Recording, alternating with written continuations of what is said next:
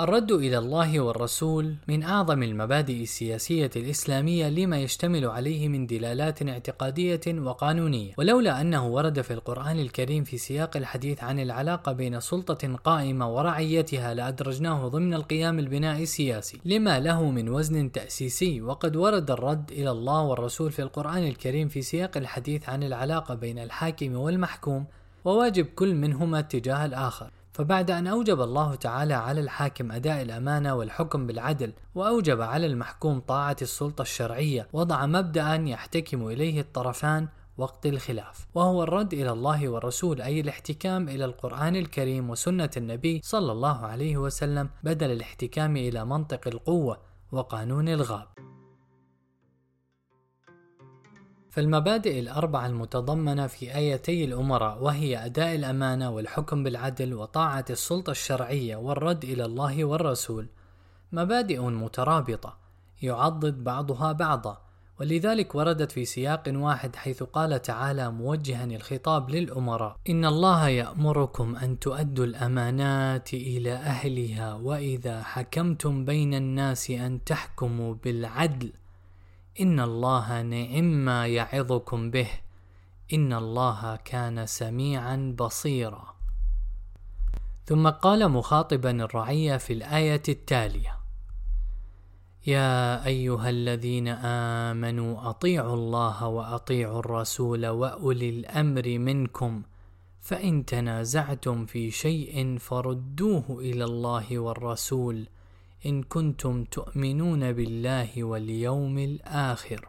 ذلك خير وأحسن تأويلا قال الإمام الشافعي مفسرا قوله تعالى فإن تنازعتم في شيء فردوه إلى الله والرسول. فإن تنازعتم يعني والله أعلم. هم وأمراؤهم الذين أمروا بطاعتهم فردوه إلى الله والرسول يعني والله أعلم إلى ما قال الله والرسول. وقال الزمخشري في تفسيرها فإن اختلفتم أنتم وأولو الأمر منكم في شيء من أمور الدين فردوه إلى الله ورسوله أي ارجعوا فيه إلى الكتاب والسنة. وقد ورد الأمر بالرد إلى الله والرسول بعد الأمر بالطاعة مباشرة، إشارة إلى أن حدود الطاعة كثيرا ما تكون مصدر تنازع بين الحاكم والمحكوم، وأن حل هذا التنازع يكون بالاحتكام السلمي إلى القرآن والسنة. ولمبدأ الرد إلى الله والرسول مدلولان مدلول دستوري ومدلول مرجعي. أما المدلول الدستوري فهو المساواة بين الحاكم والمحكوم أمام القانون وهو مرادف لمفاهيم حكم القانون وسيادة القانون والمساواة أمام القانون في الإصلاح الدستوري المعاصر والمساواة أمام القانون بين القوي والضعيف وبين الحاكم والمحكوم. هي التحدي الأكبر في السياسة فإن ضاعت هذه المساواة أذعن الحق للقوة وضاعت كل المعايير الأخلاقية الأخلاقية والقانونية وجعل الطغاة إرادتهم قانونا. على نحو ما قال ملك فرنسا لويس الرابع عشر أنا الدولة وهو القول الذي ردده رئيس مصر أنور السادات بصيغة أخرى بعده بأكثر من قرنين فقال في خطاب له أمام البرلمان المصري يوم 14 مايو 1971 أنا مسؤول أمام الله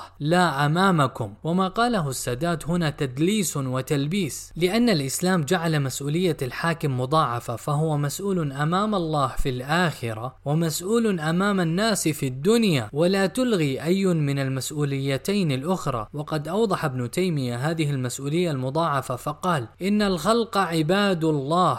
والولاة نواب الله على عباده وهم وكلاء العباد على نفوسهم. كما جاء الإسلام بالمساواة بين الحاكم والمحكوم أمام القانون بشكل لم يسبق له مثيل في تاريخ الفكر السياسي البشري. حتى إن النبي صلى الله عليه وسلم عرض على أحد أصحابه أن يقتص منه. حين ألمه بوخز سهم بيده على سبيل الخطأ وخلاصة القصة كما أوردها ابن هشام. إن رسول الله صلى الله عليه وسلم عدل صفوف أصحابه للقتال يوم بدر. وفي يده قدح يعدل به القوم. فمر بسواد بن غزية حليف بني عدي بن النجار فطعن في بطنه بالقدح. قال استوي يا سواد. فقال يا رسول الله أوجعتني وقد بعثك الله بالحق والعدل فكشف رسول الله صلى الله عليه وسلم عن بطنه وقال استقد قال فاعتنقه فقبل بطنه. فقال ما حملك على هذا يا سواد؟ قال يا رسول الله حضر ما ترى فأردت أن يكون آخر العهد بك أن يمس جلدي جلدك.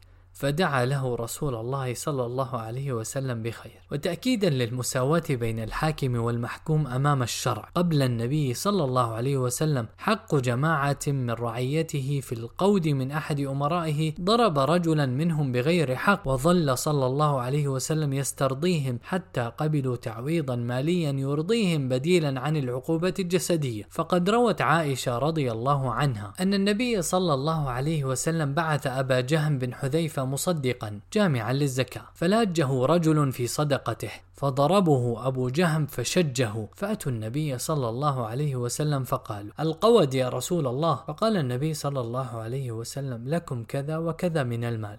فلم يرضوا. فقال لكم كذا وكذا. فلم يرضوا فقال لكم كذا وكذا. فرضوا. فقال النبي صلى الله عليه وسلم إني خاطب العشية على الناس ومخبرهم برضاكم. فقالوا نعم. فخطب رسول الله صلى الله عليه وسلم فقال إن هؤلاء الليثيين أتوني يريدون القود فعرضت عليهم كذا وكذا فرضوا. أرضيتم؟ قالوا لا. فهم المهاجرون بهم فأمرهم رسول الله صلى الله عليه وسلم أن يكفوا عنهم فكفوا. ثم دعاهم فزادهم. فقال أرضيتم؟ فقالوا نعم. قال إني خاطب على الناس ومخبرهم برضاكم. قالوا نعم فخطب النبي فقال أرضيتم؟ قالوا نعم. واستلهم عمر بن الخطاب هذا الهدي النبوي فأقاد من نفسه واستنكر ضرب السلطة للناس بغير وجه حق بل اعتبر ذلك تعديا على حمى الله عز وجل. فقد أورد عبد الرزاق في مصنفه تحت عنوان باب القود من السلطان. عن حبيب بن صهبان قال سمعت عمر يقول ظهور المسلمين حمى الله لا تحل لأحد إلا أن يخرجها حد. قال ولقد رأيت بياض إبطه قائما يقيد من نفسه. كما أقاد عمر من أمرائه اتباعا للهدي النبوي. عن عطاء قال كتب عمر رضي الله عنه إلى عماله أن يوافوه بالموسم. فوافوه فقام فقال يا أيها الناس إني بعثت عمالي هؤلاء ولاة بالحق عليكم ولم أستعملهم ليصيبوا من أبشاركم ولا من دمائكم ولا من أموالكم. فمن كانت له مظلمة عند أحد منهم فليقم. قال فما قام من الناس يومئذ إلا رجل واحد فقال يا أمير المؤمنين عاملك ضربني مئة صوت. فقال عمر أتضربه مئة صوت؟ قم فاستقد منه.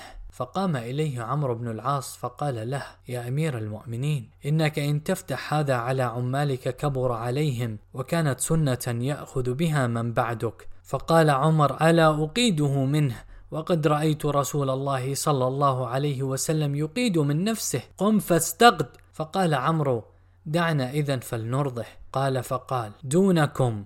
قال فأرضوه بأن اشتريت منه بمئتي دينار كل سوط بدينارين. وقد أورد المحدث عبد الرزاق الصنعاني هذا الأثر وأثار أخرى في الموضوع تحت عنوانين معبرين وهما باب القود من السلطان وباب قود النبي صلى الله عليه وسلم من نفسه وكان كل ذلك تطبيقا لمبدأ الرد إلى الله والرسول بمعناه الدستوري الذي يعني مساواة الحاكم والمحكوم أمام الشرع، وهذا المبدأ خروج إسلامي على تقاليد الملكيات العتيقة التي كانت سائدة في العالم في صدر الإسلام، ذلك أن التقاليد المتبعة في الملك أن الملك فوق الرعية، فلا يتطاولون إلى مقامه الأعلى ليسألوا عما فعل، وهذا شيء أبطله الإسلام بجعله إمام المسلمين واحدا منهم في جميع أحكام الشريعة. وكان المسلمون يراجعون الخلفاء الراشدين ويردون عليهم أقوالهم وآراءهم فيرجعون إلى الصواب إذا ظهر لهم أنهم كانوا مخطئين. وقد أحسن الجويني التعبير عن المساواة بين الحاكم والمحكوم أمام القانون فقال فالمسلمون هم المخاطبون والإمام في التزام أحكام الإسلام كواحد من الأنام. ولكنه مستناب في تنفيذ الأحكام. لكن المسلمين أضاعوا في جل مراحل تاريخهم مبدأ الرد إلى الله والرسول. بهذا المعنى الدستوري الذي يضمن المساواة بين الحاكم والمحكوم أمام القانون فقلما وجد في التاريخ الإسلامي حاكم يضع نفسه مع المحكومين على قدم المساواة أمام حكم الشرع. صحيح أنه وجد حكام كثر أقاموا شيئا من العدل بين رعاياهم وكفوهم عن التظالم فيما بينهم بشكل عام.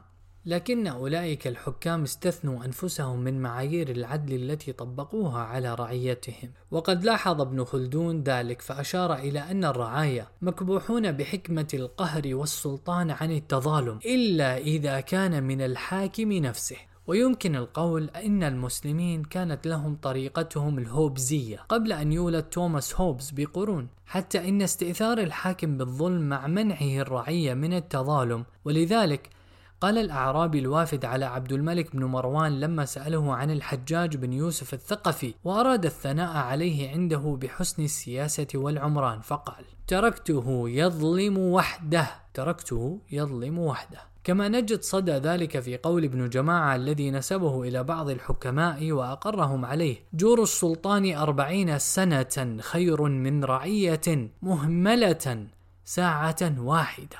جور السلطان أربعين سنة خير من رعية مهملة ساحة واحدة. لقد جعل بعض الفقهاء الخليفة السلطان فوق القانون لأنه فرض لنفسه هذه المنزلة. وأصبح من المتعذر تغييرها دون فتنة يخشاها العقل الفقهي أكثر مما يخشى أي شيء آخر. وفي تمييز ابن جماعة بين خلع الخليفة وخلع القاضي بالفسق مثال جيد على هاجس الخوف من الفتنة والحرص على وحدة الأمة في العقل الفقهي الإسلامي، فرغم أن القيم السياسية الإسلامية تجعل محاسبة الخليفة أشد صرامة من محاسبة غيره، نظرا إلى سعة سلطته وما يترتب على ظلمه وفساده من مظالم ومفاسد عامة. فإن ابن جماعة رجح خلع القاضي بالفسق ومنع خلع الخليفة أو السلطان بالفسق. في تناقض أخلاقي صارخ دفعته إليه اعتبارات عملية بحتة يقول ابن جماعة إذا طرأ على الإمام أو السلطان ما يوجب فسقه. فالأصح أنه لا ينعزل عن الإمامة بذلك.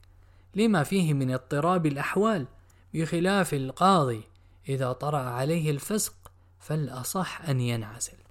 وما أبعد هذا التنظير من المثال الذي سنه النبي صلى الله عليه وسلم حيث المساواة التامة بين الحاكم والمحكوم أمام الشرع حتى ليحق لعامة الناس الانتصاف من حكامهم والاقتصاص منهم. أما المعنى المرجعي للرد إلى الله والرسول فهو يتعلق بمصدر الالتزام الأخلاقي والإلزام القانوني ذاته. فالمساواة أمام القانون لا تكفي مهما حققت من عدل، بل يجب أن يكون هذا القانون قانونا مستخلصا من نصوص الشرع، أو من مقاصده العليا وقيمه الكلية. فمرجعية الوحي هي ما يميز النظام السياسي الإسلامي عن غيره من الأنظمة السياسية، ومهما تحقق الأنظمة ذات المرجعية البشرية المحضة من عدل، فلا يمكن تسميتها نظاما إسلاميا إلا إذا استندت إلى مرجعية صريحة من القرآن والسنة.